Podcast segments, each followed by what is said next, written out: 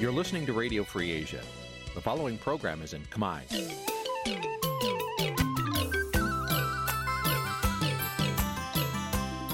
Nǐ chi càm bi tiệp xáy vệt chiu a zì sáy. នេះជាកម្មវិធីផ្សាយរបស់ Vithu Azisari ជាភាសាខ្មែរ វត្តឈូអាស៊ីសេរីសូមស្វាគមន៍លោកអ្នកនាងទាំងអស់ពីរដ្ឋធានី Washington នៃសហរដ្ឋអាមេរិក ជាប្រធានាធិបតី Washington នាងខ្ញុំម៉ៃសុធានីសូមជម្រាបសួរលោកអ្នកស្ដាប់ទាំងអស់ជាទីមេត្រីចាយើងខ្ញុំសូមជូនការផ្សាយសម្រាប់ព្រឹកថ្ងៃអាទិត្យ400ខែមិញឆ្នាំឆ្លូវត្រីស័កពុទ្ធសករាជ2565ហើយដល់ត្រូវនៅថ្ងៃទី20ខែកុម្ភៈគ្រិស្តសករាជ2022ជាដំបូងនេះសូមអញ្ជើញលោកអ្នកនាងកញ្ញាស្ដាប់ព័ត៌មានប្រចាំថ្ងៃដែលមានមេត្តាដូចតទៅ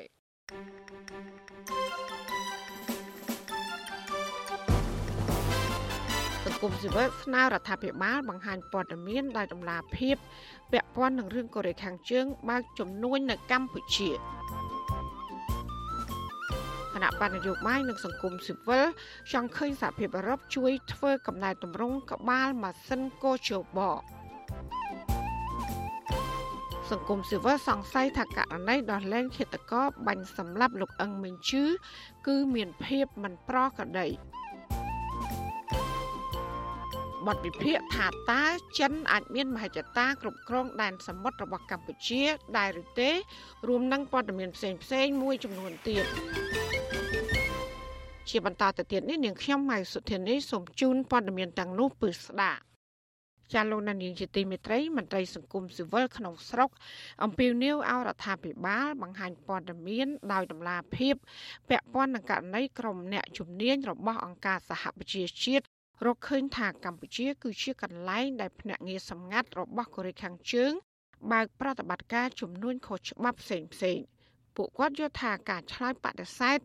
ឬក៏ឆ្លើយតបបែបផ្សាច់ទឹកពីខាងភាគីរដ្ឋាភិបាល គឺមិនមែនជាជំរើសល្អឡើយក្រសួងការបរទេសកម្ពុជាបានច្រានចោលរបាយការណ៍របស់ក្រុមអ្នកជំនាញអង្គការសហប្រជាជាតិដោយចាត់ទុកថាគ្មានមូលដ្ឋានត្រឹមត្រូវ ជាប្រធានាធិបតី Washington លោកសេចបណ្ឌិតរាជការពុស្ដាជំវិញព័ត៌មាននេះមន្ត្រីសង្គមស៊ីវិលនិងអ្នកឃ្លាំមើលបារម្ភថាកម្ពុជានឹងមានកេរ្តិ៍ឈ្មោះមិនល្អនៅលើឆាកអន្តរជាតិឬប្រឈមនឹងការដាក់ទណ្ឌកម្មប្រសិនបើរដ្ឋាភិបាល មិនបើកការស៊ើបអង្កេត និងមិនបង្ហាញព័ត៌មានឲ្យបានច្បាស់លាស់ជុំវិញការរកឃើញរបស់ក្រុមអ្នកជំនាញរបស់អង្គការសហប្រជាជាតិដែលថាបរោះកូរ៉េខាងជើង កំពុងបង្កប់ខ្លួននៅក្នុងប្រទេសកម្ពុជា និងបើកអាជីវកម្មធំធំជាច្រើនផ្ទុយពីបំរាមរបស់ក្រមប្រឹក្សាសន្តិសុខអង្គការសហប្រជាជាតិនាយកទទួលបន្ទុកកិច្ចការទូតនៃអង្គការលីកាដូលោកអំសំអាត ថាអ្នកជំនាញអង្គការសហប្រជាជាតិអាចប្រមូលបានព័ត៌មានជាក់លាក់ទើបបង្ហាញនៅក្នុងរបាយការណ៍របស់ខ្លួនប៉ុន្តែរដ្ឋាភិបាលកម្ពុជាក៏អាចមានព័ត៌មានផ្សេងទៀតដែរទើបចេញមុខបដិសេធទោះយ៉ាងណា លោកយល់ថារដ្ឋាភិបាលគួរតែជជែក និងបង្ហាញអំណះអំណាងឲ្យបានច្បាស់លាស់ជាជាងគ្រាន់តែឆ្លើយបដិសេធបែបនេះព្រោះអាចនាំឲ្យមានមន្ទិលសង្ស័យ ឬការរិះគន់បន្តទៀតវាជាធម្មតាទេអារឿងការដែលរសាយទឹកដាក់គ្នាអានឹងវាតែងតែអញ្ចឹងហ្នឹងប៉ុន្តែអ្វីដែលសំខាន់ត្រូវរកឲ្យឃើញអង្គហេតុពិតប្រាកដក្នុងដែរពីព្រោះអានេះវាជាមុខមាត់មួយរបស់រដ្ឋាភិបាលកម្ពុជាដែរអញ្ចឹងរដ្ឋាភិបាលកម្ពុជាក៏មានសិទ្ធិនៅក្នុងការបកស្រាយក៏ដូចជាការការពារខ្លួននៅក្នុងរឿងនោះដែរបាទជាមួយគ្នានេះសមាជិកក្រុមប្រឹក្សាឃ្លាំមើលកម្ពុជាលោករងឈុនយល់ថា មុននឹងអ្នកជំនាញអង្គការសហប្រជាជាតិចេញរបាយការណ៍អំពីរឿងចរៈបរោះកូរ៉េខាងជើងបើកអាជីវកម្មធំធំជាច្រើននៅក្នុងប្រទេសកម្ពុជាបែបនេះគឺប្រកាសជារកឃើញព័ត៌មាននិងសិក្សាយ៉ាងដិតដល់ដូច្នេះប្រសិនបើរដ្ឋាភិបាលកម្ពុជា នៅមានការលាក់បាំងនោះមិនមែនជារឿងល្អនោះទេ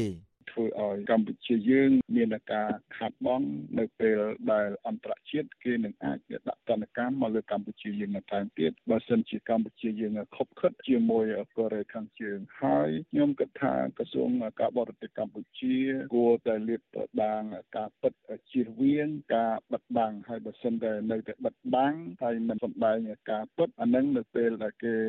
មានវិធានការវាធ្វើឲ្យកម្ពុជាយើងបាត់បង់ផលប្រយោជន៍ ការលើកឡើងរបស់មន្ត្រីសង្គមស៊ីវិលនិងអ្នកឃ្លាំមើលបែបនេះគឺបន្ទាប់ពីក្រសួងការបរទេសកម្ពុជា កាលពីថ្ងៃទី17កុម្ភៈបានច្រានចោលទាំងស្រុងនៅរបាយការណ៍របស់ក្រមអ្នកជំនាញរបស់អង្គការសហប្រជាជាតិដែលថា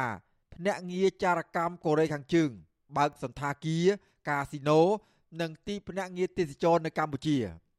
ក្រសួងការបរទេសកម្ពុជាអះអាងថាអាជ្ញាធរកម្ពុជា បានអនុវត្តយ៉ាងម៉ឺងម៉ាត់ តាមការសម្រេចរបស់អង្គការសហប្រជាជាតិដែលដាក់ទណ្ឌកម្មទៅលើកូរ៉េខាងជើងរាប់តាំងពីការបញ្ឈប់អាជីវកម្មធំធំធនាគាររហូតដល់បញ្ឈប់ផ្ដល់អាជ្ញាប័ណ្ណការងារនិងទិដ្ឋាការការងាររបស់ពលរដ្ឋកូរ៉េខាងជើងនៅកម្ពុជាផងដែរចាប់តាំងពីឆ្នាំ2017ដល់ឆ្នាំ2019 ប៉ុន្តែក្រសួងការបរទេសកម្ពុជាមិនបានឆ្លើយតបនិងបង្ហាញព័ត៌មានជាក់លាក់អំពីអ្វីដែលក្រុមអ្នកជំនាញរបស់អង្គការសហប្រជាជាតិរកឃើញចាប់តាំងពីពាក់កណ្ដាលឆ្នាំ2020នោះឡើយការបំភ្លឺរបស់ក្រសួងការបរទេសកម្ពុជានេះក្រោយពីគេហទំព័រព័ត៌មាន NK News នៅសហរដ្ឋអាមេរិកបានផ្សព្វផ្សាយព័ត៌មានផ្ដោតលើប្រទេសកូរ៉េខាងជើងបានចេញផ្សាយនៅរបាយការណ៍បឋមរបស់អង្គការសហប្រជាជាតិ ថាភ្នាក់ងារចារកម្មកូរ៉េខាងជើងកំពុងបង្កប់ខ្លួននៅកម្ពុជានិងបើកអាជីវកម្មធំធំជាច្រើន រួមមានសន្តាគារកាស៊ីណូនិងទីភ្នាក់ងារទេសចរភោជនីយដ្ឋាន និងរង្គសាលជាដើម ចាប់តាំងពីពាក់កណ្ដាលឆ្នាំ2020មកភ្នាក់ងារចារកម្មម្នាក់នេះមានឈ្មោះគឹមជុលសុក បានបើកដំណើរការអាជីវកម្មទាំងនោះក្រោមឈ្មោះសុខា តាមការបញ្ជារបស់ការិយាល័យឆ្លប់យកការទូទៅហៅកាត់ថា RGB នៃទីភ្នាក់ងារចារកម្មកម្ពុជារបស់កូរ៉េខាងជើងប្រពន្ធដដាលបញ្ជាក់ថាក្រុមហ៊ុនមួយក្នុងចំណោមក្រុមហ៊ុនជាច្រើនដែលមានឈ្មោះគឹមជុលសុកដែលបានបើកដំណើរការនោះគឺទីភ្នាក់ងារទេសចរពិភពលោក CH ដែលសម្របសម្រួលការដើរលេងកំសាន្តនៅអាស៊ីបូព៌ានិងអាស៊ីអាគ្នេយ៍កន្លងមករដ្ឋាភិបាលកម្ពុជាអះអាងថាអាញាធរបានបិទដំណើរការរបស់ទីភ្នាក់ងារទេសចរពិភពលោក CH និងបិទកេរនីរបស់ក្រុមហ៊ុននេះហើយប៉ុន្តែសារព័ត៌មាន KN News រកឃើញថា ទីភ្នាក់ងារទេសចរនេះនៅបន្តដំណើរការនៅឡើយកាលពី2សប្តាហ៍មុន លើពីនេះអាញាធរកម្ពុជា បានប្រាប់អង្គការសហប្រជាជាតិថាគឹមជុលសុកមានលិខិតឆ្លងដែនការទូតคล้ายคล้ายប៉ុន្តែរបាយការណ៍របស់អង្គការសហប្រជាជាតិបញ្ជាក់ថាគឹមជុលសុកមានទំនាក់ទំនងជិតស្និទ្ធជាមួយមន្ត្រីជាន់ខ្ពស់របស់រដ្ឋាភិបាលកម្ពុជា ទើបអាចមានលទ្ធភាពធ្វើលិខិតឆ្លងដែននេះបានរបាយការណ៍របស់អង្គការសហប្រជាជាតិបន្តថាគឹមជុលសុកគឺជាអ្នកជំនួយម្នាក់ពាក់ព័ន្ធនឹងលោកទ្រីភិបដែលជាម្ចាស់ក្រុមហ៊ុនរកស៊ីជួញដូរឈើខ្នាតធំ ដែលសហរដ្ឋអាមេរិកបានដាក់ទណ្ឌកម្មពាក់ព័ន្ធនឹងរឿងប្រព្រឹត្តអំពើពុករលួយ កាលពីឆ្នាំ2019ជុំវិញរឿងនេះវិទ្យុអាស៊ីសេរី នៅពុំទាន់អាចសុំការឆ្លើយតបបន្ថែមពីអ្នកនាំពាក្យក្រសួងការបរទេសកម្ពុជាលោកជុំសុនារី និងអ្នកនាំពាក្យក្រសួងពាណិជ្ជកម្មលោកសៀងថៃបានទេដោយទូរស័ព្ទចូលតែពុំមានអ្នកទទួលសមាជិកក្រុមប្រឹក្សាឃ្លាំមើលកម្ពុជាលោករងឈុនសង្ស័យថាប្រសិនបើជនជាតិកូរ៉េខាងជើងពិតជាបានបើកចំនួនផ្សេងផ្សេងនៅកម្ពុជាដោយការចោទប្រកាន់មែននោះបញ្ហានេះគឺអាចផ្ដើមចេញពីអំពើពុករលួយ។ ពេលសង្គមមួយមានអំពើពុករលួយ វាតែងតែមានថាអំពើជួញដូរ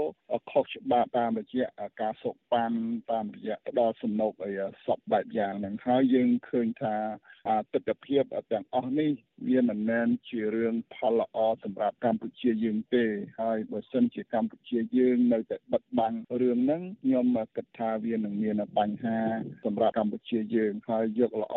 គួរតែបិទហើយនឹងបោះសម្អាតអ្នកដែលមកវិនិយោគទុច្ចរិតឬមួយឈ្មួញដែលត្រូវបានគេថាបំរាមរបស់ក្រមប្រឹក្សាសន្តិសុខអង្គការសហប្រជាជាតិដាក់បំរាមកន្លងមកក្រមប្រឹក្សាសន្តិសុខអង្គការសហប្រជាជាតិបានសម្រេចដាក់ទណ្ឌកម្មជាបន្តបន្ទាប់ប្រឆាំងនឹងប្រទេសកុម្មុយនីកូរ៉េខាងជើងដើម្បីឆ្លើយតបនឹងកម្មវិធីផលិតនុយក្លេអ៊ែររបស់ប្រទេសនេះវិធានការនោះបានហាម5រដ្ឋសមាជិកទាំងអស់នៃអង្គការសហប្រជាជាតិ មិនឲ្យបន្តទទួលកម្មករកូរ៉េខាងជើងធ្វើការឬលែងឲ្យមានការរកស៊ីបណ្ដាក់ទុនជាមួយនឹងប្រទេសឯកាមួយនេះតទៅទៀតក្រមប្រឹក្សាសន្តិសុខអង្គការសហប្រជាជាតិរកឃើញថា របបក្រុងភ្យុងយ៉ាង បានប្រមូលលុយពីពលករនិងអ្នកជំនួយរបស់ខ្លួននៅបរទេសទៅអភិវឌ្ឍកម្មវិធីផលិតនុយក្លេអ៊ែរសម្រាប់ប្រទេសកម្ពុជាវិញបើទោះបីជារដ្ឋាភិបាលលោកហ៊ុនសែនអះអាងថាបានអនុវត្តយ៉ាងម៉ឺងម៉ាត់ តាមការសម្រេចរបស់អង្គការសហប្រជាជាតិយ៉ាងណាក្តីក៏អ្នកជំនាញរបស់អង្គការសហប្រជាជាតិនៅតែរកឃើញថាជនជាតិកូរ៉េខាងជើង នៅតែមានវត្តមានរកស៊ីនិងធ្វើការនៅក្នុងប្រទេសកម្ពុជា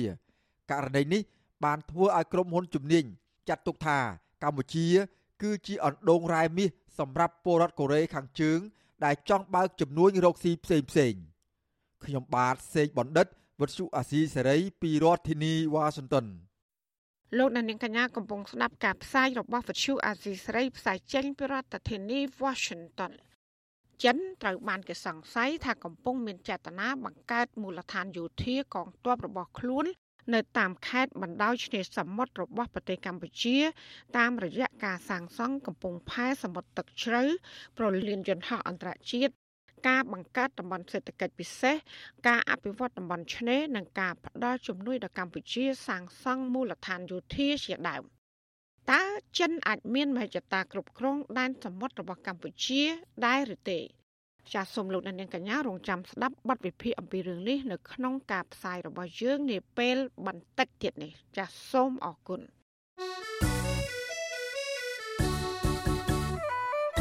ចាលោកនាងជាទីមេត្រីវិទ្យុអសីស្រីផ្សាយតាមរលក ធាតុអាកាសខ្លីឬ short wave តាមកម្រិតនិងកម្ពស់ដូចតទៅចាប់ពេលព្រឹកចាប់ពីម៉ោង5កន្លះដល់ម៉ោង6កន្លះតាមរយៈរលកធាតុអាកាសខ្លី9390 kHz ស្មើនឹងកម្ពស់ 32m និង11850 kHz ស្មើនឹងកម្ពស់ 25m ចាស់សម្រាប់ពេលយប់ចាប់ពីម៉ោង7កន្លះដល់ម៉ោង8កន្លះគឺតាមរយៈរលកថេដាកាខ្លី9390 kHz ស្មើនឹងកម្ពស់ 32m និង15155 kHz ស្មើនឹងកម្ពស់ 20m ចាសសូមអរគុណ ចាលោកអ្នកស្ដាប់ទីមេត្រីពាក់ព័ន្ធនឹងរឿងគណៈបកនយោបាយវិញមន្ត្រីសង្គមស៊ីវិលជំរុញទៅគណៈបកនយោបាយដែលគ្រងជួបជាមួយសហភាពអឺរ៉ុបប្រចាំកម្ពុជា គួរតែលើកឡើង ពីកំណែតម្រង់ក្បាលម៉ាស៊ីនគណៈកម្មាធិការជាតិរៀបចំការបោះឆ្នោតបញ្ហាប្រឈមរបស់គណៈបកក្នុងការធ្វើសកម្មភាពនយោបាយនិងតម្លាភាពនៃការប្រកួតប្រជែងសម្រាប់ការបោះឆ្នោតនាពេលខាងមុខចាអ្នកស្រីខែសំណងរាយការណ៍ព័ត៌មាននេះ សង្គមស៊ីវិលធ្វើការងារផ្នែកបោះឆ្នោតនិងគណៈបកនយោបាយលើកឡើងថាពួកគេមិនសូវមានទំនុកចិត្តថាគណៈកម្មាធិការជាតិរៀបចំការបោះឆ្នោតអាចផ្ដល់ការជឿជាក់ឬជាអាញាកណ្ដាលដែលអាចផ្ដល់យុត្តិធម៌ដល់គណៈបកនយោបាយគ្រប់គូភាគីបាននោះទេ ពួកគេរំពឹងថាសហភាពអឺរ៉ុបប្រចាំកម្ពុជា ដែលតែងតែគាំទ្រដំណើរការប្រជាធិបតេយ្យនិងការបោះឆ្នោតនៅកម្ពុជាធ្វើយ៉ាងណាមានការកែសម្រួលសមាជិកថ្នាក់ដឹកនាំគណៈកម្មាធិការជាតិរៀបចំការបោះឆ្នោតបង្កើតបរិយាកាសនយោបាយសេរីនិងគ្មានការគំរាមកំហែងពលរដ្ឋម្ចាស់ឆ្នោតជាដើមនាយកប្រតិបត្តិអង្គការឃ្លាំមើលការបោះឆ្នោតនៅកម្ពុជាហៅកាត់ថា Netflix លោកសំគុណធីមី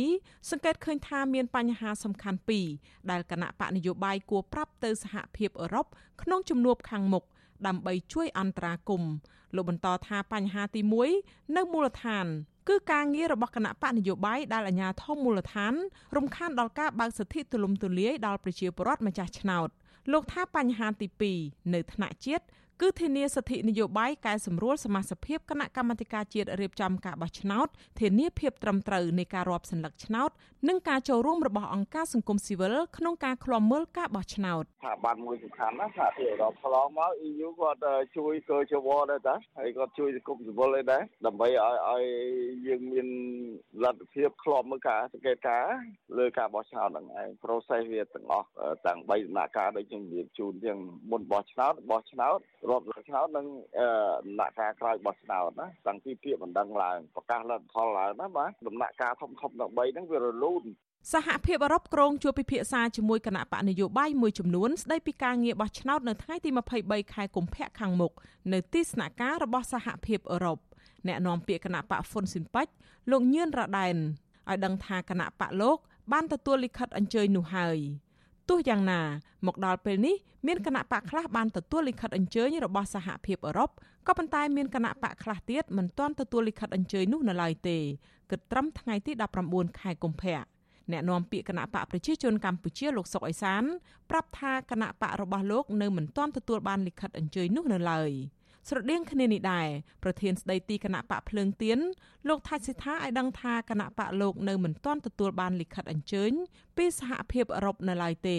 ប៉ុន្តែលោកយល់ថាជំនួបនោះទំនងសហភាពអឺរ៉ុបចង់ដឹងពីជំហររបស់គណៈបកនយោបាយដែលចូលរួមនៅក្នុងការប្រកួតប្រជែងការបោះឆ្នោតនាពេលខាងមុខ លោកបន្តថាប្រសិនបើគណៈបករបស់លោកមានវត្តមានក្នុងជំនួបនោះដែរលោកនឹងលើកឡើងអំពីបញ្ហាបរិយាកាសនយោបាយមុនការបោះឆ្នោតការកែសម្រួលស្ថាប័នបោះឆ្នោត និងបញ្ហាមួយចំនួនដែលអាចកើតមានឡើងនៅក្រោយការបោះឆ្នោត តាមយើងដឹងពីមុនវាមានសហគមន៍អឺរ៉ុបមានប្រទេសជប៉ុននេះដែលជាជួយច្រើនដល់ក្នុងកិច្ចការបោះឆ្នោតហ្នឹងអញ្ចឹងវាជាផ្នែកមួយសំខាន់ដែរបើសិនបើជួយឲ្យការបោះឆ្នោតនឹងវាប្រព្រឹត្តទៅដោយបំណងដែលពួកគាត់ចង់ជួយឲ្យមានលទ្ធិជាតិតៃឬក៏ការបោះឆ្នោតដោយសេរីយុត្តិធម៌ទេអាហ្នឹងគឺការជួយហ្នឹងវាគ្មានន័យដែរសង្គមស៊ីវិលនិងគណៈបកនយោបាយថាការដែលពួកគេមិនទុកចិត្តលើស្ថាប័នបោះឆ្នោតព្រោះថ្នាក់ដឹកនាំរបស់កោជបសុទ្ធសឹងតែកើតចេញពីគណៈបកប្រជាជនកម្ពុជាចំណែកស្ថាបនិកគណៈបកកែតម្រង់កម្ពុជាលោកអ៊ូច័ន្ទរតនិយាយថាទោះបីជាគណៈបករបស់លោកមិនបានចូលរួមឬបានចូលរួមនៅក្នុងជំនួបជាមួយសហភាពអឺរ៉ុបក្តីប៉ុន្តែលោកក៏ចង់ឃើញមានការលើកឡើងអំពីទំនុកចិត្តរបស់ពលរដ្ឋនិងអ្នកនយោបាយលើគណៈកម្មាធិការជាតិរៀបចំការបោះឆ្នោតនេះដែរលោកបន្តថាបញ្ហាសំខាន់មួយ គឺសមភាពឬសមធម៌ក្នុងការប្រកួតប្រជែងព្រោះគណៈបកកាន់អំណាច មានធនធានសពបែបយ៉ាងក្នុងការគៀបសង្កត់គូប្រកួតប្រជែងហើយអំណាចហ្នឹងមិនមែនអំណាចធម្មតាទេទាំងអំណាចនយោបាយទាំងអំណាចនៃតឡាការយើងឃើញហ្នឹងកន្លងមកជួនកាលទៅអាចនឹងប្រើប្រាស់ផ្លូវច្បាប់ដើម្បីធ្វើពី ការគៀបសង្កត់ដូច្នេះយើងយើងឃើញការប្រកួតប្រជែងនេះខ្វះសមត្ថភាពសហភាពអឺរ៉ុបប្រចាំកម្ពុជានឹងស្ដាប់នៅទុកលំបាកឬបញ្ហារបស់គណៈបកនយោបាយដែលនឹងចូលរួមការបោះឆ្នោតជ្រើសរើសក្រុមប្រឹក្សាឃុំសង្កាត់ឆ្នាំ2022ខាងមុខកិច្ចពិភាក្សានោះក៏មានការចូលរួមពីស្ថានទូតរបស់រដ្ឋសមាជិកសហគមន៍អឺរ៉ុបប្រចាំនៅកម្ពុជា រួមមានបារាំងអាល្លឺម៉ង់ស៊ុយអែតនិងសាធារណរដ្ឋឆែក តាក់ទងរឿងនេះវត្តឈូអាស៊ីសេរីមិនអាចសុំការអត្ថាធិប្បាយពីអ្នកនាំពាក្យគណៈកម្មាធិការជាតិរៀបចំការបោះឆ្នោតលោកហងពុធាបានទេ នៅថ្ងៃទី19ខែកុម្ភៈការបោះឆ្នោតជ្រើសរើសក្រុមប្រឹក្សាឃុំសង្កាត់អាណត្តិទី5នឹងប្រព្រឹត្តទៅ នៅថ្ងៃទី5ខែមិថុនាខាងមុខ ទោះយ៉ាងណាអ្នកជំនាញកិច្ចការបោះឆ្នោតសង្កេតឃើញថាគណៈបកប្រជាជនកម្ពុជាដែលកំពុងកាន់អំណាចពេញដៃមិនបានអើពើដោះស្រាយបញ្ហាឬបង្កើតបរិយាកាសល្អសម្រាប់ការបោះឆ្នោតខាងមុខនោះទេទោះគណៈបកនេះបានរំលាយគណៈបកសង្គ្រោះជាតិដែលជាដៃគូប្រកួតប្រជែងមានកម្លាំងប្រហាក់ប្រហែលគ្នាចោលទៅហើយក្តីចានាងខ្ញុំខែសុណងវັດឈូអាស៊ីសេរីរាយការណ៍ពីរដ្ឋធានី Washington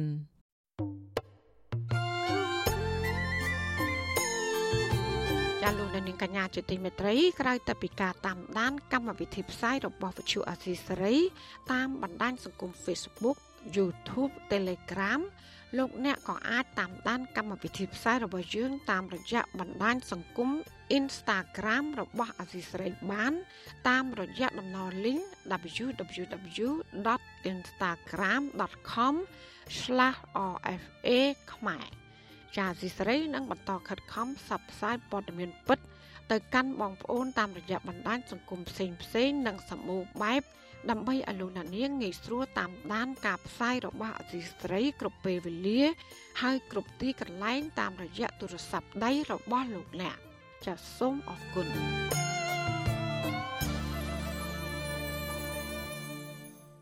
លោកណានៀងជាទីមេត្រីសង្គមស៊ីវិលសង្ស័យថាសំណុំរឿងឃាតកម្មបាញ់សម្លាប់អតីតថៅកែក្រុមហ៊ុនលក់គ្រឿងសំណង់អុកញ៉ាអឹងមេងជឺកាលពីឆ្នាំ2014គឺមានភាពមិនប្រក្រតីការមន្ទិលសង្ស័យនេះកើតឡើងដោយសារតែតឡាការកំពូល កាលពីថ្ងៃទី17ខែកុម្ភៈបានរក្សាការសម្រេចរបស់សាឡាតូដោយដោះលែងនិងទម្លាក់បទចោទលើម្ចាស់បរិយ999គឺអុកញ៉ាថោងសារ៉ាត់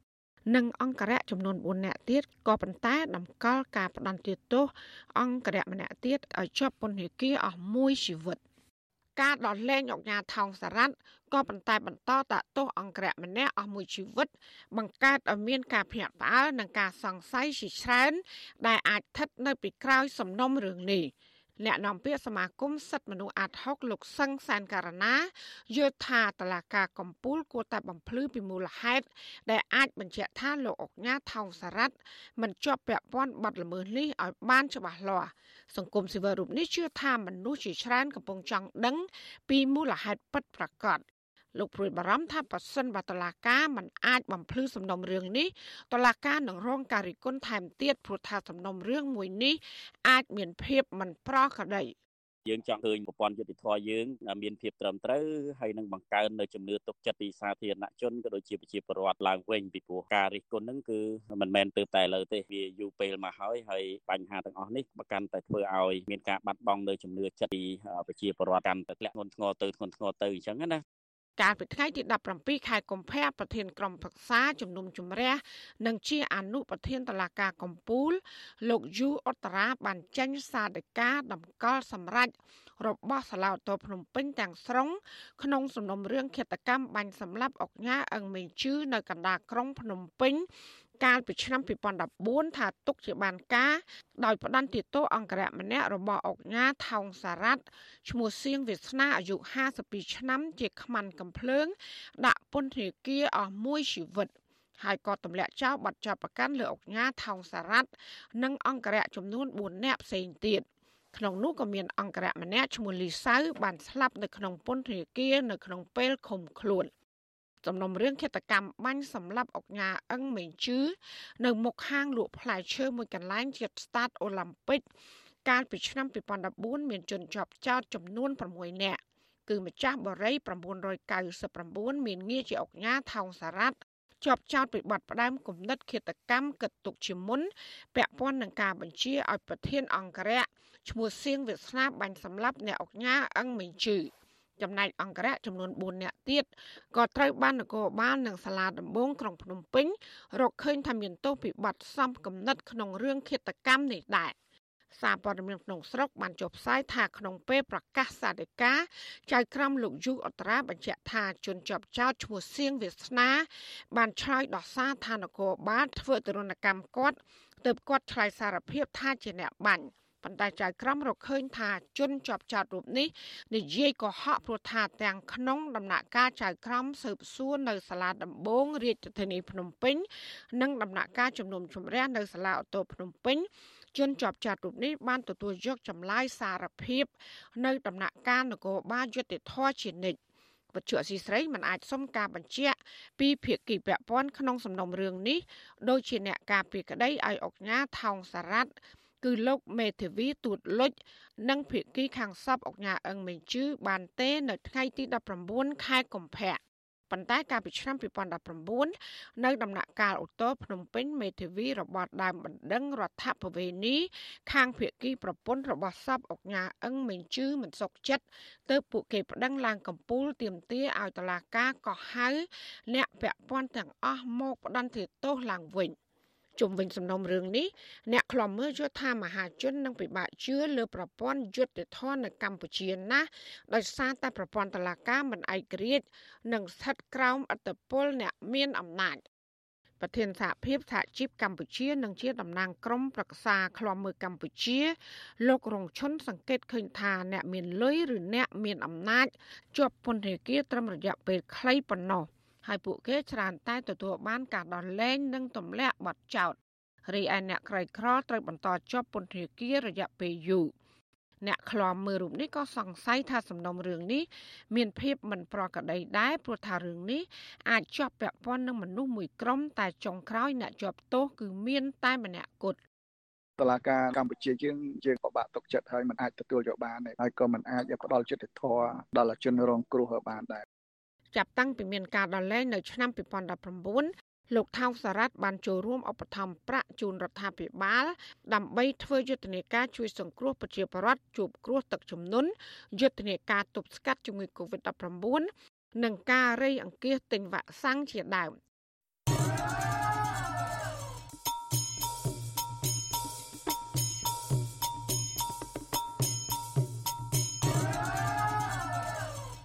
លោកនានីជាទីមេត្រីប្រធានអង្គការសុខភាពពិភពលោក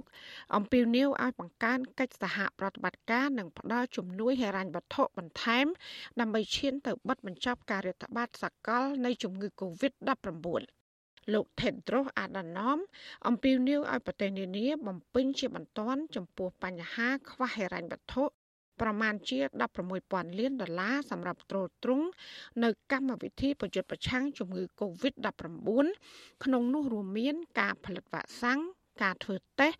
ការព្យាបាលនិងការផលិតឧបករណ៍ការពារសម្រាប់ផ្គត់ផ្គង់នៅទូទាំងពិភពលោកចាលោកក៏បានបញ្ជាក់ថាជំងឺ Covid-19 អាចនឹងត្រូវបិទបញ្ចប់តាមរយៈកម្រិតនៃការចាក់វ៉ាក់សាំងបង្ការបានក្នុងកម្រិតខ្ពស់របស់ប្រទេសមួយចំនួន ហើយលោកក៏បានបដិសេធចំពោះការអះអាងកន្លងមក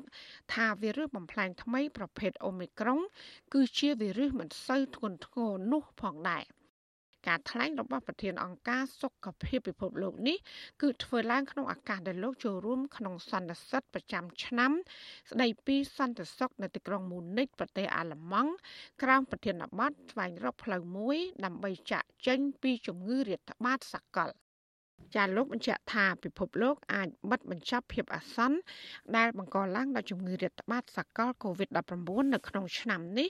ដោយសារតែមានឧបករណ៍និងបានដឹងពីរបៀបចាត់ចែងធ្វើរួចហើយពាក់ព័ន្ធនឹងជំងឺ Covid-19 នេះដែរក្រសួងសុខាភិបាលរកឃើញអ្នកឆ្លងថ្មីចំនួន552ករណីថ្មីទៀត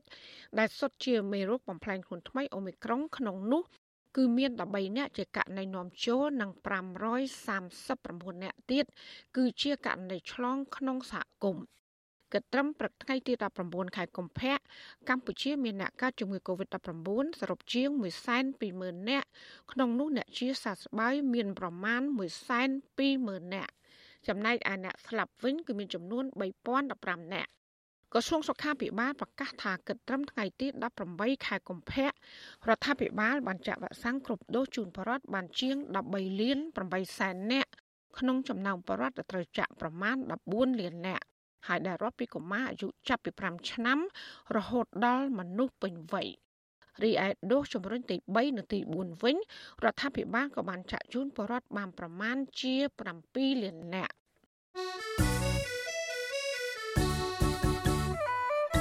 ចាលោកនាងជាទីមេត្រីវិទ្យុអសីស្រីផ្សាយតាមរលកធាតុអាកាសខ្លីឬ short wave តាមកម្រិតនិងកម្ពស់ដូចតទៅចាប់ពេលព្រឹកចាប់ពីម៉ោង5កន្លះដល់ម៉ោង6កន្លះតាមរយៈរលកធាតុអាកាសខ្លី9390 kHz ស្មើនឹងកម្ពស់ 32m និង11850 kHz ស្មើនឹងកម្ពស់ 25m ចាសម្រាប់ពេលយប់ចាប់ពីម៉ោង7កន្លះដល់ម៉ោង8កន្លះគឺតាមរយៈរលកធាតុអាកាសខ្លី9390 kHz ស្មើនឹងកម្ពស់ 32m និង15155 kHz ស្មើនឹងកម្ពស់ 20m ចាសសូមអរគុណចាលោកនាយកជាទីមេត្រីជនជាតិដើមភាគតិចគួយ ប្រមាណជាង200គ្រួសារដង្ហោយទាមទារឲ្យអាជ្ញាធរដោះស្រាយបញ្ហាវិវាទដីធ្លីជាមួយនឹងក្រុមហ៊ុន Dalcom Cambodia និងក្រុមហ៊ុនសិនសានពួកគេអះអាងថាក្រុមហ៊ុនទាំងពីរនេះនៅតែបន្តរំលោភយកដីស្រែចម្ការវិលជុំនិងបំផ្លាញផលដំណាំ របស់ពួកគាត់ជាបន្តបន្ទាប់ដោយគ្មានសំណងចា៎នេះគឺជាសកម្មភាពរបស់លោកជាតិចំណានជំវិញបញ្ហានេះ ជនជាតិដើមភាគតិចគួយរាប់រយគ្រួសារដែលរស់នៅក្នុងភូមិចំនួន4នៅក្នុងឃុំរំទុំស្រុករវៀងខេត្តព្រះវិហារឲ្យវិសុអស៊ីសេរីដឹងនៅថ្ងៃទី19ខែកុម្ភៈថាក្រុមហ៊ុន Delcom Cambodia ក្រុមហ៊ុនសិនសាននិងក្រុមហ៊ុនឯកជនមួយចំនួនទៀតដែលជ្រកក្រោមស្លាកអភិវឌ្ឍរុករករ៉ែមាសនៅតែបន្តជួសឆាយហុំព័ទ្ធដីធ្លីប្រជាសហគមន៍និងគម្រាមកំហែងពលរដ្ឋមិនឲ្យដាំដុះធ្វើស្រែចម្ការនៅលើដីកសិកម្មដែលពួកគេធ្លាប់អាស្រ័យផលតាំងពីដូនតានោះទេ តំណាងពលរដ្ឋរស់នៅភូមិរំដេងឃុំរំទុំលោកស្រីយឹមផាតថ្លែងថាគ្រួសារលោកស្រីមិនអាចប្រមូលផលដំណាំស្វាយចន្ទទីនៅលើដីរបស់ខ្លួនបានឡើយដោយសារតែក្រុមហ៊ុននិងអាជ្ញាធរសម្រុតគម្រាមកំហែងជាបន្តបន្ទាប់លោកស្រីបញ្ជាក់ថាកន្លងមក មានអ្នកមានអំណាចបានលួចយកដីរបស់លោកស្រីអស់ជិត18ហិកតាដើម្បីលក់ឲ្យក្រុមហ៊ុន Delcom ពង្រីកអាជីវកម្មរ៉ែមាសជិត1ឆ្នាំមកហើយដែលធ្វើឲ្យគ្រួសាររបស់លោកស្រី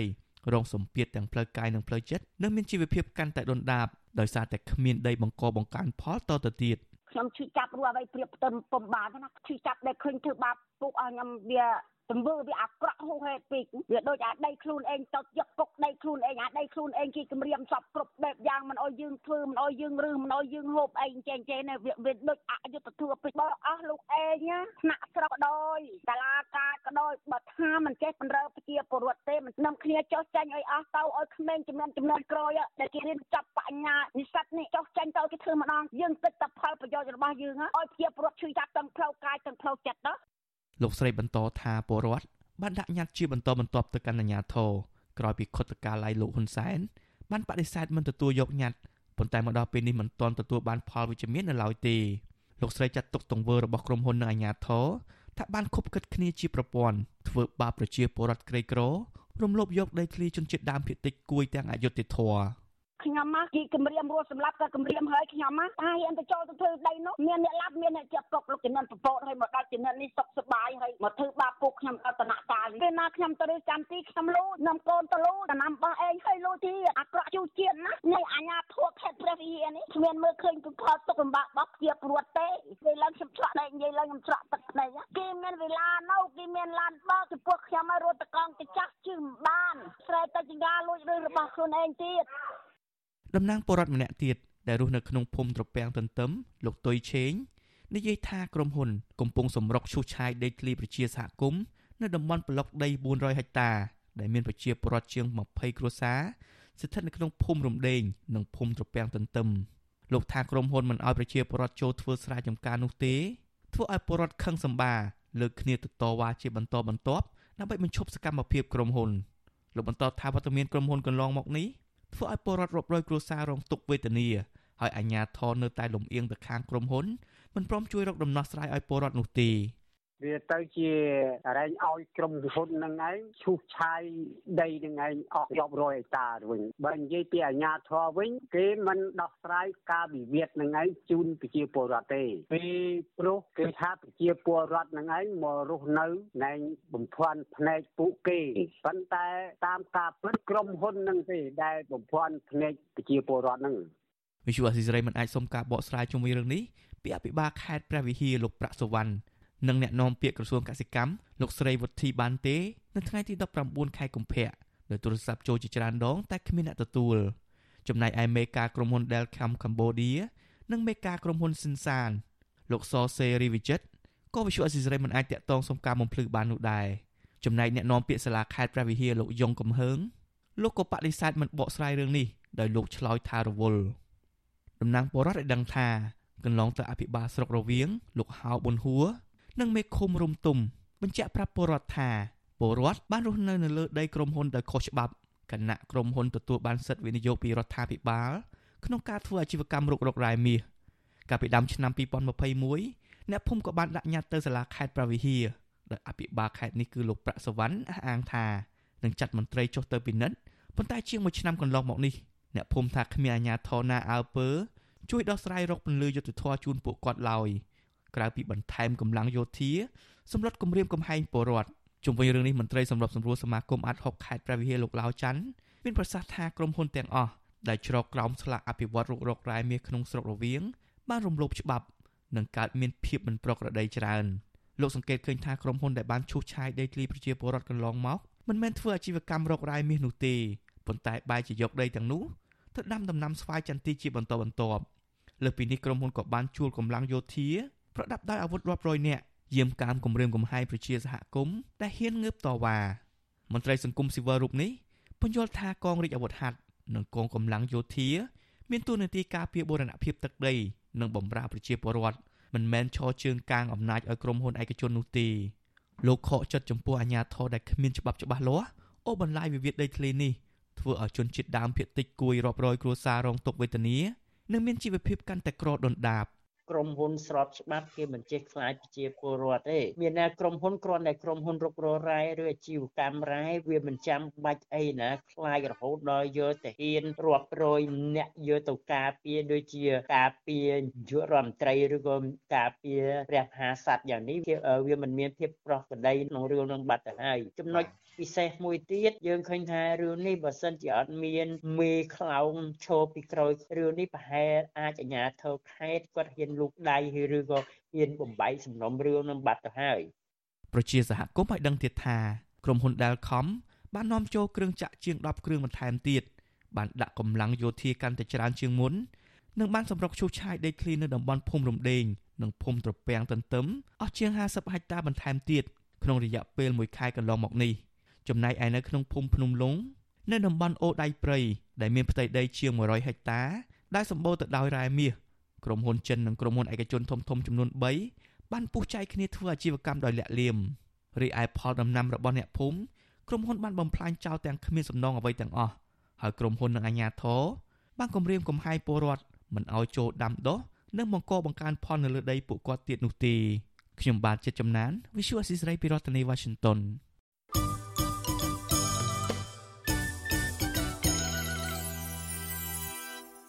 ចាលោកនាងជាទីមេត្រីសមត្ថកិច្ចអន្តរប្រវេសន៍និងគយនៅសហរដ្ឋអាមេរិកអាចនឹងបន្តបញ្ជូនទណ្ឌិតខ្មែរត្រឡប់ទៅកម្ពុជាវិញនាពេលឆាប់ឆាប់ក្រោយពីបានផ្អាកមួយរយៈដោយសារតែការរីករាលដាលសកលនៃជំងឺ Covid-19 មេធាវីនៃមជ្ឈមណ្ឌលច្បាប់អាស៊ីលោកអនុប្រាសាទ បានប្រាប់សារព័ត៌មាន The Fresh Snowbee ថាក្នុងអំឡុងរដ្ឋបាលប្រធានាធិបតី Donald Trump ការបញ្ជូនទណ្ឌិតដែលជាប់ទោសរួចហើយត្រឡប់ទៅកម្ពុជាវិញ មានការកើនឡើងជាខ្លាំងប៉ុន្តែត្រូវផ្អាកមួយរយៈដោយសារតែការរីករាលដាលសកលនៃជំងឺ Covid-19 ប្រពន្ធដដែលបន្តថាសមត្ថកិច្ចអន្តរប្រវេសន៍នឹងគយនឹងចាប់ផ្ដើមចាប់ខ្លួនបរតខ្មែរនៅសប្តាហ៍នេះដើម្បីរងចាំបញ្ជូនត្រឡប់ទៅកម្ពុជាវិញក្រុមគ្រួសាររបស់គេបានមករស់នៅក្នុងតំបន់ Fresno និង Long Beach នៃរដ្ឋ California ដែលមានអត្រាក្រីក្រខ្ពស់និងមានក្រុមជើងកាងប្រាអំពើហិង្សានានាដូចជាលួច ប្លន់និងបាញ់សម្លាប់ជាដើម។ តន្តិតខ្លះធ្លាប់ចូលក្នុងសកម្មភាពទាំងនោះហើយត្រូវបានចាប់ឃុំខ្លួននៅវ័យក្មេងប្រមាណជាអាយុ20ឆ្នាំលោកអនុប្រាសាទបន្តថាតន្តិតដែលត្រូវបញ្ជូនត្រឡប់ទៅកម្ពុជាវិញ មានស្ថានភាពរស់នៅលំបាកនិងប្រឈមបញ្ហាជាច្រើនដោយសារតែពួកគេរស់នៅបែកគ្នានិងអស់សង្ឃឹម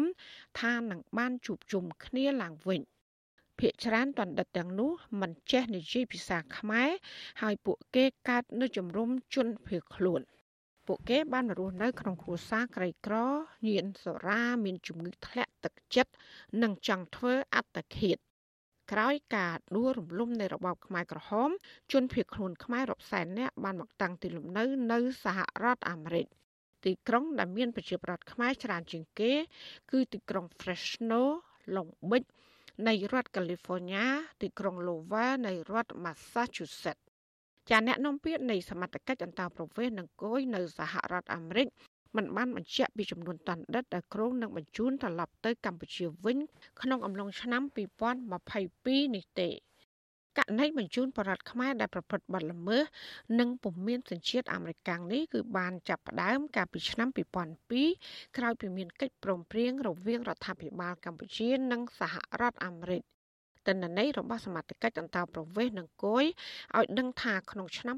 2018មានបរិវត្តដើមកំណត់ខ្មែរ110នាក់ត្រូវបានបញ្ជូនត្រឡប់ទៅកម្ពុជាវិញ តួលេខនេះក៏បានកើនឡើងដល់ទៅ280%បើធៀបទៅនឹងឆ្នាំ2017ដែលមានសរុបត្រឹមតែ29នាក់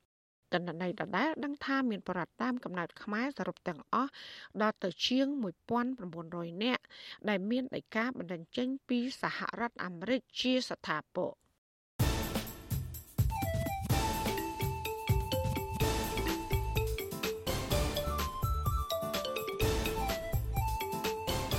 វិភាគ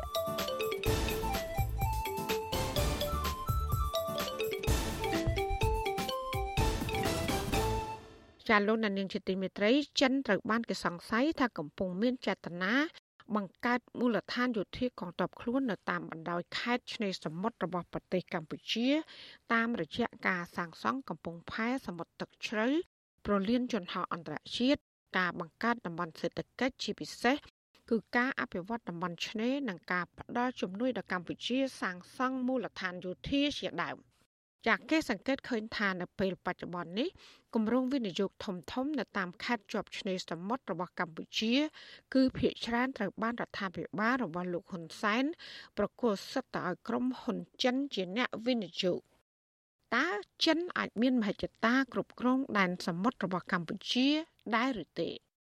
ចាប់ពីរដ្ឋធានី Washington អ្នកស្រីខែសំណងមានបទវិភាគមួយជុំវិញរឿងនេះដូចតទៅឆ្នេរសមុទ្រប្រទេសកម្ពុជាមានប្រវែង440គីឡូម៉ែត្រលាតសន្ធឹងចាប់ពីខេត្តកោះកុងរហូតដល់ខេត្តប្រសេនុកំពត និងខេត្តកែបក្នុងចំណោមខេត្តជាប់ឆ្នេរសមុទ្ររបស់កម្ពុជាទាំង4នេះគឺមានខេត្តរហូតទៅដល់2រួចទៅហើយដែលមានគម្រោងវិនិយោគធំធំរបស់ចិន នោះ គឺខេត្តកោះកុងនិងខេត្តប្រសេនុ នៅក្នុងខេត្តកោះកុងរដ្ឋាភិបាលកម្ពុជាបានផ្ដល់ដីសម្បត្តិទៅឲ្យក្រុមហ៊ុនចិនឈ្មោះ Union Development Group ឬហៅកាត់ថា UDG ដែលជាក្រុមហ៊ុនបត់សម្ព័ន្ធរបស់ក្រុមហ៊ុន Tianjin Union Investment Development Group តាំងពីឆ្នាំ2008ក្រុមហ៊ុនទាំងនេះត្រូវបានគេរកឃើញថា គឺជាក្រុមហ៊ុនរបស់រដ្ឋចិន ដីសម្បត្តិដែលក្រុមហ៊ុន UDG ទទួលបានពីរដ្ឋាភិបាលលោកហ៊ុនសែនគឺមានរយៈពេលរហូតដល់99ឆ្នាំដើម្បីអភិវឌ្ឍគម្រោងតារាសាគរនៅក្នុងស្រុកចំនួន2គឺស្រុកបទុមសាគរនិងស្រុកគិរីសាគរឲ្យคล้ายទៅជាតំបន់ទេសចរក្រោមទឹកប្រាក់វិនិយោគចំនួន3800លានដុល្លារ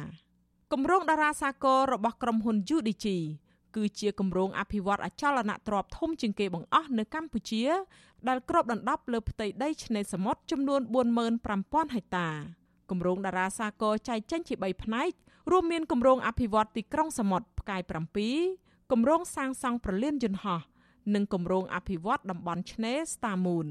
គម្រោងតារាសាគរដែលមានកំពង់ផែសមុទ្រទឹកជ្រៅចំនួន2ដែលសុទ្ធតែជាកំពង់ផែខ្នាតអន្តរជាតិចំណែកប្រលានយន្តហោះ គឺមានលក្ខណៈអន្តរជាតិដែលអាចទទួលឲ្យយន្តហោះខ្នាតធំប្រភេទ Boeing 777និង Airbus A340 ធ្វើដំណើរមកពីប្រទេសឆ្ងាយៗចុះចតបានប្រលានយន្តហោះដែលត្រូវបានចំណាយថវិកាសាងសង់ប្រមាណ350លានដុល្លារអាមេរិកលើផ្ទៃដីជាង200ហិកតាត្រូវបានក្រុមហ៊ុនចិនប្រកាសថាបានសាងសង់រួចរាល់នៅក្នុងខែតុលាឆ្នាំ2021 នៅពេលបើកឲ្យដំណើរការនៅក្នុងឆ្នាំដំបូងប្រលានយន្តហោះនេះត្រូវបានក្រុមហ៊ុនចិនរំពឹងថាអាចទទួលបានអ្នកដំណើរចំនួន120,000នាក់ក្នុងមួយឆ្នាំនិងកើនឡើងរហូតដល់4លាននាក់ក្នុងឆ្នាំ2030គម្រោងតារាសាគរត្រូវបានរដ្ឋាភិបាលកម្ពុជានិងក្រុមហ៊ុនវិនិយោគចិនចាត់ទុកជាគម្រោងមួយកំពុងជួយបង្កើតរបៀងសេដ្ឋកិច្ចថ្មីបន្ថែមទៀតសម្រាប់ប្រទេសកម្ពុជា ដែលនឹងនាំមកនូវការអភិវឌ្ឍសេដ្ឋកិច្ចនិងការរីកចម្រើនដល់ប្រទេសកម្ពុជា ព្រោះថាគម្រោងយក្សមួយនេះបានបង្កើតរបៀងសេដ្ឋកិច្ចទាំងតាមផ្លូវអាកាសផ្លូវទឹកនិងផ្លូវគោកផែនទីដែលមានសរសេរជាភាសាអង់គ្លេសផង និងភាសាចិនផង ហើយត្រូវបានគេបង្ហោះនៅលើគេហទំព័រក្រុមហ៊ុនអចលនទ្រព្យ Beyond Realty បង្ហាញថាប្រលានយន្តហោះនៃគម្រោងអភិវឌ្ឍតារាសាគរគឺស្ថិតនៅចន្លោះគម្រោងកំពង់ផែសមុទ្រទឹកជ្រៅចំនួន2ដែលភ្ជាប់ការធ្វើដំណើរតាមផ្លូវទឹកពីកំពង់ផែខេត្តប្រសេនុទៅកាន់ខេត្តកោះកុង រួចអាចបន្តទៅកាន់ទីក្រុងបាងកកប្រទេសថៃ ជារួមគម្រោងតារាសាគរខេត្តកោះកុងដែលមានក្រុមហ៊ុនរដ្ឋចិន ជាអ្នកអភិវឌ្ឍនិងសាងសង់កំពុងភ្ជាប់តំបន់មួយនេះទៅកាន់ពិភពលោកខាងក្រៅតាមរយៈផ្លូវអាកាស គឺការសាងសង់ប្រលានយន្តហោះខ្នាតអន្តរជាតិតាមរយៈផ្លូវទឹកនិងការសាងសង់កំពង់ផែសមុទ្រទឹកជ្រៅខ្នាតអន្តរជាតិចំនួន2និងតាមរយៈផ្លូវគោកដោយភ្ជាប់តាមផ្លូវជាតិលេខ4 ផ្លូវជាតិលេខ48និងផ្លូវលបឿនលឿនពីភ្នំពេញទៅកាន់ខេត្តប្រសេនុផ្លូវលបឿនលឿនភ្នំពេញប្រសេនុគឺជាផ្លូវលបឿនលឿនដំបងគេបង្អស់របស់ប្រទេសកម្ពុជាហើយដែលផ្លូវនេះក៏កំពុងសាងសង់ដោយក្រុមហ៊ុនសាជីវកម្មស្ពាននិងថ្នល់ចិន ក្នុងទុនវិនិយោគប្រមាណ2000លានដុល្លារអាមេរិកចំណែកនៅខេត្តប្រសេនុរដ្ឋាភិបាលលោកហ៊ុនសែនបានអនុញ្ញាតឲ្យក្រុមហ៊ុនចិនធ្វើការវិនិយោគ ក្នុងផ្ទៃដីទំហំធំនៅតាមបណ្ដោយឆ្នេរសមុទ្រនៃខេត្តប្រស័យនុជាពិសេសគឺគម្រោងអភិវឌ្ឍទីក្រុងរៀមដែលជាគម្រោងអភិវឌ្ឍធំជាងគេបង្អស់លំដាប់ទី2នៅក្នុងប្រទេសកម្ពុជា បន្ទាប់ពីគម្រោងអភិវឌ្ឍតារាសាគរនៅខេត្តកោះកុងគម្រោងអភិវឌ្ឍទីក្រុងរៀមនេះគឺស្ថិតនៅតាមបណ្ដោយឆ្នេរសមុទ្ររៀមតែម្ដងមជ្ឈមណ្ឌលដើម្បីការសិក្សាយុទ្ធសាស្ត្រនិងកិច្ចការអន្តរជាតិហៅកាត់ថា CSIS មានមូលដ្ឋាននៅសហរដ្ឋអាមេរិក បានចុះផ្សាយកាលពីខែតុលាឆ្នាំ2020បញ្ជាក់ថារដ្ឋាភិបាលកម្ពុជាបានជួលផ្ទៃដីមានទំហំធំ នៅជុំវិញមូលដ្ឋានកងទ័ពជើងទឹករៀមទៅឲ្យក្រុមហ៊ុនចិន ហើយក្រុមហ៊ុនខ្លះមានទំនាក់ទំនងជាមួយរដ្ឋចិនក្នុងចំណោមក្រុមហ៊ុនទាំងអស់នេះមានក្រុមហ៊ុនមួយឈ្មោះ Canopy Sense Development Group ដែលជាក្រុមហ៊ុនបត់សម្ព័ន្ធរបស់ក្រុមហ៊ុន Prin Real Estate Group CSIS ថាក្រុមហ៊ុននេះកំពុងអភិវឌ្ឍមួយផ្នែកនៃឆ្នេរសមុទ្រនៅទិសខាងជើង នៃមូលដ្ឋានកងទ័ពជើងទឹករៀមរូបភាពពីផ្កាយរណបបង្ហាញថាក្រុមហ៊ុននេះបានចាប់យកដីជិត5គីឡូម៉ែត្រប៉ែកខាងជើងនៃមូលដ្ឋានទ័ពរៀមកាលពីខែកុម្ភៈឆ្នាំ2021ហើយចាប់តាំងពីពេលនោះមកក្រុមហ៊ុននេះបានចាក់ដីលុបចូលឆ្នេរសមុទ្រទំហំប្រហែល100អាគេហទំព័រ Construction Property កាលពីខែកុម្ភៈឆ្នាំ2020 បានចុះផ្សាយថាក្រុមហ៊ុនចិន Canopy Sense Development Group មានផែនការវិនិយោគក្នុងទំហំទឹកប្រាក់16,000លានដុល្លារដើម្បីអភិវឌ្ឍឆ្នេរសមុទ្ររៀមឲ្យក្លាយទៅជាតំបន់រមណីយដ្ឋាន លើផ្ទៃដីទំហំជាង830ហិកតាក៏នឹងមានការអភិវឌ្ឍឆ្នេរខ្សាច់ថ្មីចំនួន2គេហទំព័រដដែលឲ្យដឹងថាគម្រោងទីក្រុងរៀមគឺជាផ្នែកមួយនៃគម្រោងអភិវឌ្ឍទេសចរពិសិដ្ឋនាគរាជ ឬ Naga Siri របស់ក្រសួងទេសចរដែលគ្របដណ្ដប់លើផ្ទៃដីជាង3000ហិកតាគម្រោងនេះនឹងភ្ជាប់ឆ្នេររៀមឆ្នេរអូត្រេសឆ្នេរអូឈើទាលនិងប្រលានយន្តហោះឲ្យคล้ายទៅជាតំបន់ទេសចរនិងសេដ្ឋកិច្ចដ៏សំខាន់មួយបើធ្វើដំណើរតាមរថយន្តគេត្រូវចំណាយពេលប្រមាណ10នាទី ពីប្រលានយន្តហោះអន្តរជាតិក្រុងប្រស័យនុទៅកាន់គម្រោងទីក្រុងរៀមដែលគេក្រុងអភិវឌ្ឍឲ្យលាតសន្ធឹងរហូតដល់6គីឡូម៉ែត្រតាមបណ្ដោយឆ្នេរសមុទ្រតាមរយៈរបាយការណ៍របស់មជ្ឈមណ្ឌលដើម្បីការសិក្សាយុទ្ធសាស្ត្រនិងកិច្ចការអន្តរជាតិតំបន់អភិវឌ្ឍទីក្រុងរៀមដែលរដ្ឋាភិបាលកម្ពុជានិងក្រុមហ៊ុនចិន រំពឹងថានឹងប្រែមុខមាត់ថ្មីសម្រាប់ខេត្តប្រស័យនុឲ្យคล้ายទៅជាទីក្រុងធំបំផុតទី2របស់កម្ពុជានោះគម្រោងទីក្រុងរៀមនេះ គឺស្ថិតនៅមិនឆ្ងាយទេពីមូលដ្ឋានកងទ័ពជើងទឹករៀមដែលកំពុងរងការចោទប្រកាន់ថាត្រូវបានរដ្ឋាភិបាលចិនផ្ដល់ជំនួយដល់កម្ពុជា ដើម្បីប្រែក្លាយមូលដ្ឋានទ័ពមួយនេះសម្រាប់បម្រើដល់ផលប្រយោជន៍យោធារបស់ចិនសេចក្តីរាយការណ៍របស់សារព័ត៌មានអាមេរិក The Wall Street Journal ចេញផ្សាយកាលពីខែកក្កដាឆ្នាំ2019ឲ្យដឹងថារដ្ឋាភិបាលកម្ពុជានិងចិន បានចុះកិច្ចព្រមព្រៀងសម្ងាត់មួយអនុញ្ញាតឲ្យចិនប្រើប្រាស់មូលដ្ឋានកងទ័ពជើងទឹករៀមរបស់កម្ពុជា ក្នុងរយៈពេល30ឆ្នាំហើយនឹងអាចបន្តរយៈពេល10ឆ្នាំម្ដង បន្ទាប់ពីនោះតាមរយៈកិច្ចព្រមព្រៀងនេះចិនអាចដាក់កងទ័ពសភាវុធនិងនាវាយោធារបស់ខ្លួននៅមូលដ្ឋានកងទ័ពជើងទឹករៀមរបស់កម្ពុជា។ ចំណែករបាយការណ៍របស់ CSIS អាមេរិកដែលចេញផ្សាយកាលពីខែតុលាឆ្នាំ2021បង្ហាញថាចិនកំពុងពន្លឿនការសាងសង់ហេដ្ឋារចនាសម្ព័ន្ធនៅមូលដ្ឋានទ័ពរៀមយ៉ាងឆាប់រហ័សលើសពីនេះ កាលពីថ្ងៃទី21ខែមករាឆ្នាំ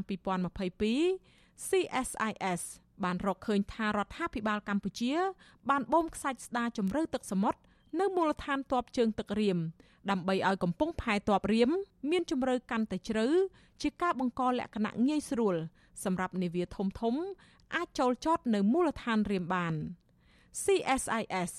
បញ្ជាក់ថាសមុទ្រទឹករាក់នៅកំពង់ផែទ័ពរៀមអាចឲ្យត្រឹមនាវាល្បាតតូចតូចចូលចតប៉ុណ្ណោះប៉ុន្តែការស្ដារជម្រៅទឹកសមុទ្រនឹងធ្វើឲ្យកាន់តែមានប្រយោជន៍ខ្លាំង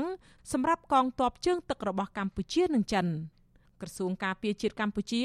ទទួលស្គាល់ថាពិតជាមានសកម្មភាពបូមខ្សាច់ស្ដារជម្រៅទឹកសមុទ្រនៅមូលដ្ឋានទ័ពរៀមែនដោយលើកហេតុផលថា ដើម្បីសម្អាតដីល្បាប់ ដែលមានច្រើននៅទីនោះនឹងថាអាចធ្វើជ្រៅបំផុតត្រឹម5ទៅ6ម៉ែត្រប៉ុណ្ណោះទោះជាយ៉ាងណា ពួកគេនៅតែបដិសេធថាការស្ដារនេះមិនមែនដើម្បីបម្រើឲ្យមូលដ្ឋានទ័ពបរទេសនោះទេ ក្នុងរឿងមូលដ្ឋានទ័ពរៀមនេះដែរក្រសួងការបរទេសនិងរដ្ឋាភិបាលអាមេរិក ធ្លាប់បានប្រកាសដាក់ទណ្ឌកម្មលើមន្ត្រីយោធាជាន់ខ្ពស់កម្ពុជាចំនួន2រូបគឺលោកចៅភិរុនជាអគ្គនាយកនៃអគ្គនាយកដ្ឋានសម្ភារៈបច្ចេកទេសក្រសួងការពារជាតិនិងលោកទាវិញ មេបញ្ជាការកងទ័ពជើងទឹកដោយបង្កក់ទ្រព្យសម្បត្តិនិងមិនអនុញ្ញាតឲ្យអ្នកទាំងពីរនិងសាច់ញាតិបង្កើតចូលជន់ទឹកដីអាមេរិកនោះទេនាយឧត្តមសេនីយ៍ផ្កាយ4ទាំងពីររូបនេះត្រូវបានអាមេរិកចោទថា បានប្រព្រឹត្តអំពើពុករលួយធ្ងន់ធ្ងរនៅក្នុងរឿងសាងសង់មូលដ្ឋានទ័ពរៀមចំណែកពីខាងលោកនាយករដ្ឋមន្ត្រីហ៊ុនសែនវិញបានប្រកាសថាលែងឲ្យមានទស្សនកិច្ចរបស់មន្ត្រីអាមេរិកទៅកាន់មូលដ្ឋានទ័ពរៀមទៀតហើយទោះជាយ៉ាងណា សហរដ្ឋអាមេរិកនៅតែសម្ដែងការបារម្ភអំពីករណីនេះរហូតមកដល់ពេលនេះ ទោះបីជាមិនទាន់ឃើញមានភ័ស្តុតាងបញ្ជាក់ផ្លូវការ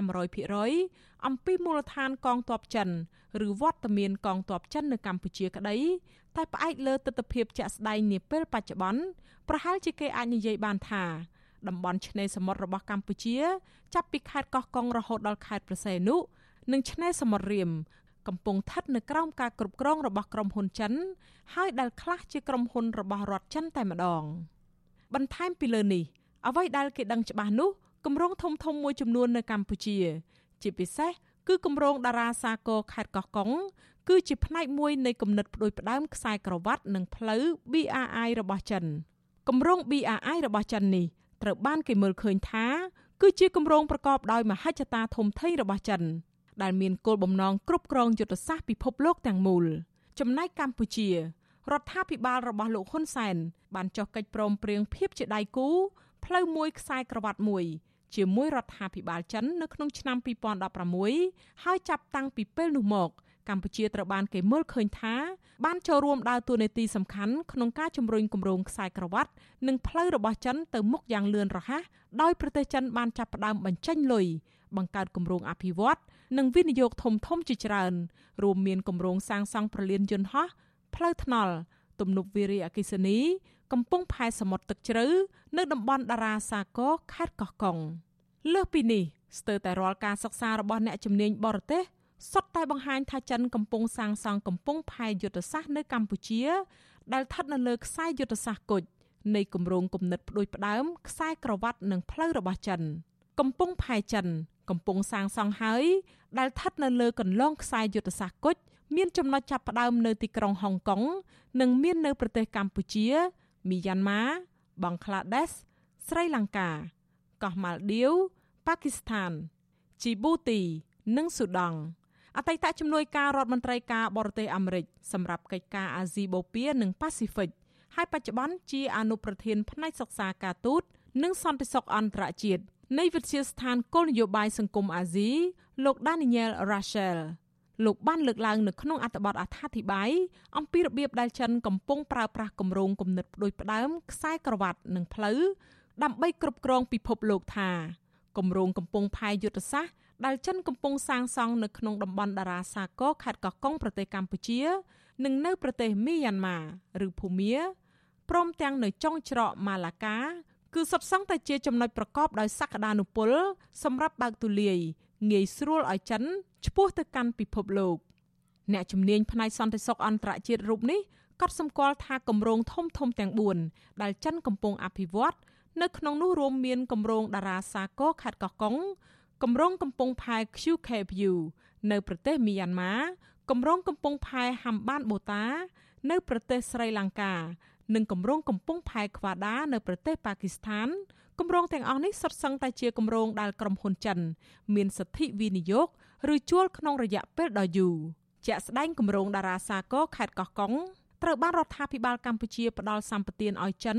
វិនិយោគរហូតដល់ទៅ99ឆ្នាំឯណោះដែលនេះវាមានន័យថាចិនអាចគ្រប់គ្រងរាល់ប្រតិបត្តិការនៅកំពង់ផែទាំងអស់នេះលោក Daniel Rachel យល់ថាទោះបីជាចិន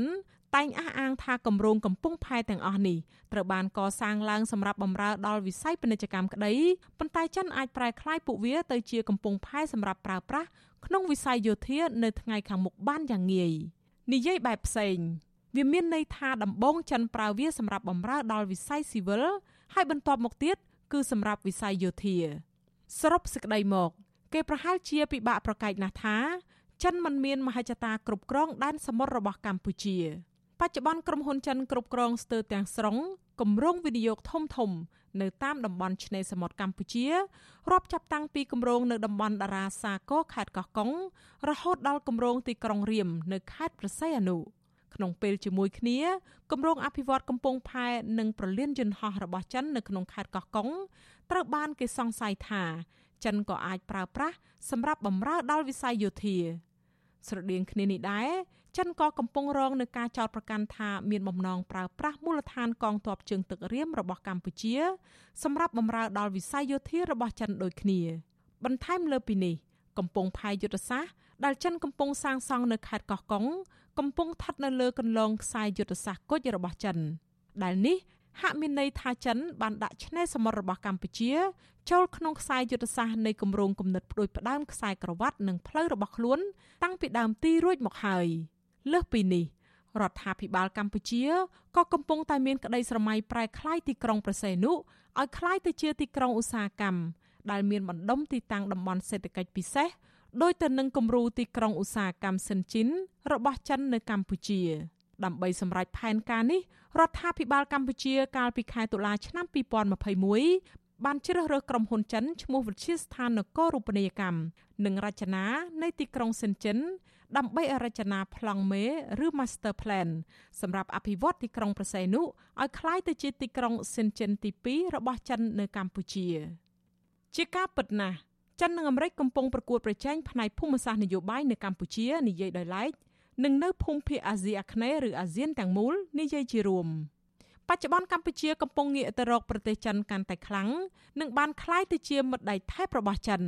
ក្នុងកលៈទេសៈបែបនេះ ប្រសិនបើចិនអាចគ្រប់គ្រងដែនសមុទ្ររបស់កម្ពុជាបានទៀតនោះចិននឹងទទួលបានផលប្រយោជន៍និងឥទ្ធិពលកាន់តែខ្លាំងឡើងនៅក្នុងការប្រជែងភូមិសាស្ត្រនយោបាយជាមួយអាមេរិកនៅក្នុងតំបន់។ក្នុងពេលជាមួយគ្នាចិនក៏អាចប្រើឥទ្ធិពលនៃវត្តមានមូលដ្ឋានទ័ពយោធារបស់ខ្លួននៅកម្ពុជា ដើម្បីទប់ទល់ទៅនឹងឥទ្ធិពលរបស់វៀតណាមដែលប្រទេសនេះក៏កំពុងคล้ายទៅជាដៃគូរបស់អាមេរិកក្នុងការទប់ឥទ្ធិពលរបស់ចិននៅក្នុងតំបន់ ហើយក៏ជាសត្រូវរបស់ចិន នៅក្នុងចំនួនដែនកោះនៅសមុទ្រចិនខាងត្បូងក្រៅពីនេះប្រសិនជាចិនអាចគ្រប់គ្រងឆ្នេរសមុទ្រកម្ពុជាបានមែននោះចិននឹងមានច្រកចេញឆ្ពោះទៅកាន់ឈូងសមុទ្រសៀម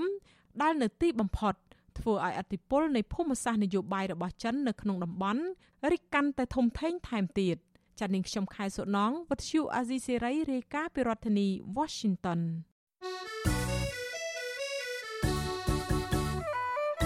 ចាលោកនាងជាទីមេត្រីក្នុងឱកាសនេះដែរនាងខ្ញុំសូមថ្លែងអំណរគុណ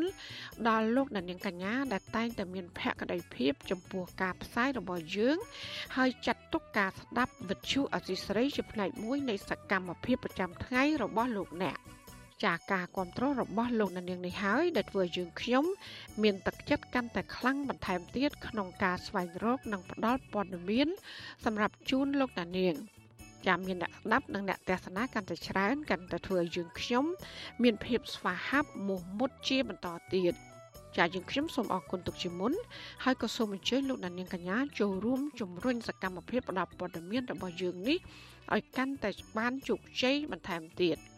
ចាលោកណានៀងអាចជួយយើងខ្ញុំបានដោយគ្រាន់តែចុចចែករំលែកឬ share ការផ្សាយរបស់យើងខ្ញុំនៅលើបណ្ដាញសង្គម Facebook និង YouTube ទៅកាន់មិត្តភ័ក្តិរបស់លោកណានៀងដើម្បីឲ្យការផ្សាយរបស់យើង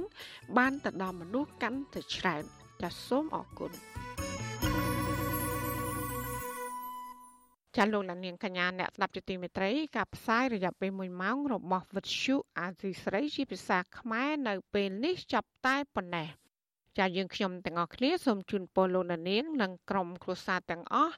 សូមជួបប្រកបតែនឹងសេចក្តីសុខសេចក្តីចម្រើន ជានិរន្តរ៍ចានាងខ្ញុំម៉ៅសុធានីព្រមទាំងក្រុមការងារទាំងអស់របស់អសីស្រីសូមអរគុណនិងសូមជម្រាបលា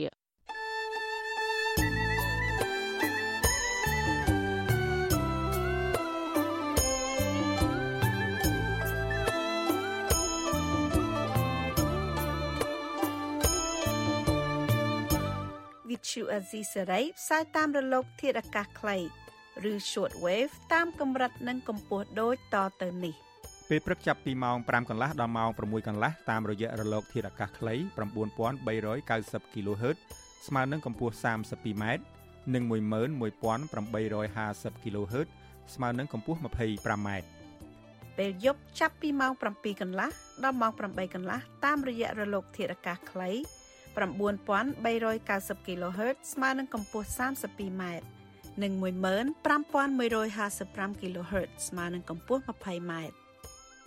លោកអ្នកនាងក៏អាចស្ដាប់ការផ្សាយផ្ទាល់តាមប្រព័ន្ធអ៊ីនធឺណិតដោយចូលទៅកាន់គេហទំព័រ www www.rfa.org/ ខ្មែរក្រៅពីនេះលោកអ្នកនាងក៏អាចអាននិងទស្សនាព័ត៌មានវិទ្យុអេស៊ីសរ៉ៃលើទូរស័ព្ទដៃរបស់លោកអ្នកផ្ទាល់ សូមលោកអ្នកនាងចូលទៅកាន់បណ្ដាញសង្គម Facebook ដែលមានអាសយដ្ឋាន www.facebook.com/rfa cambodia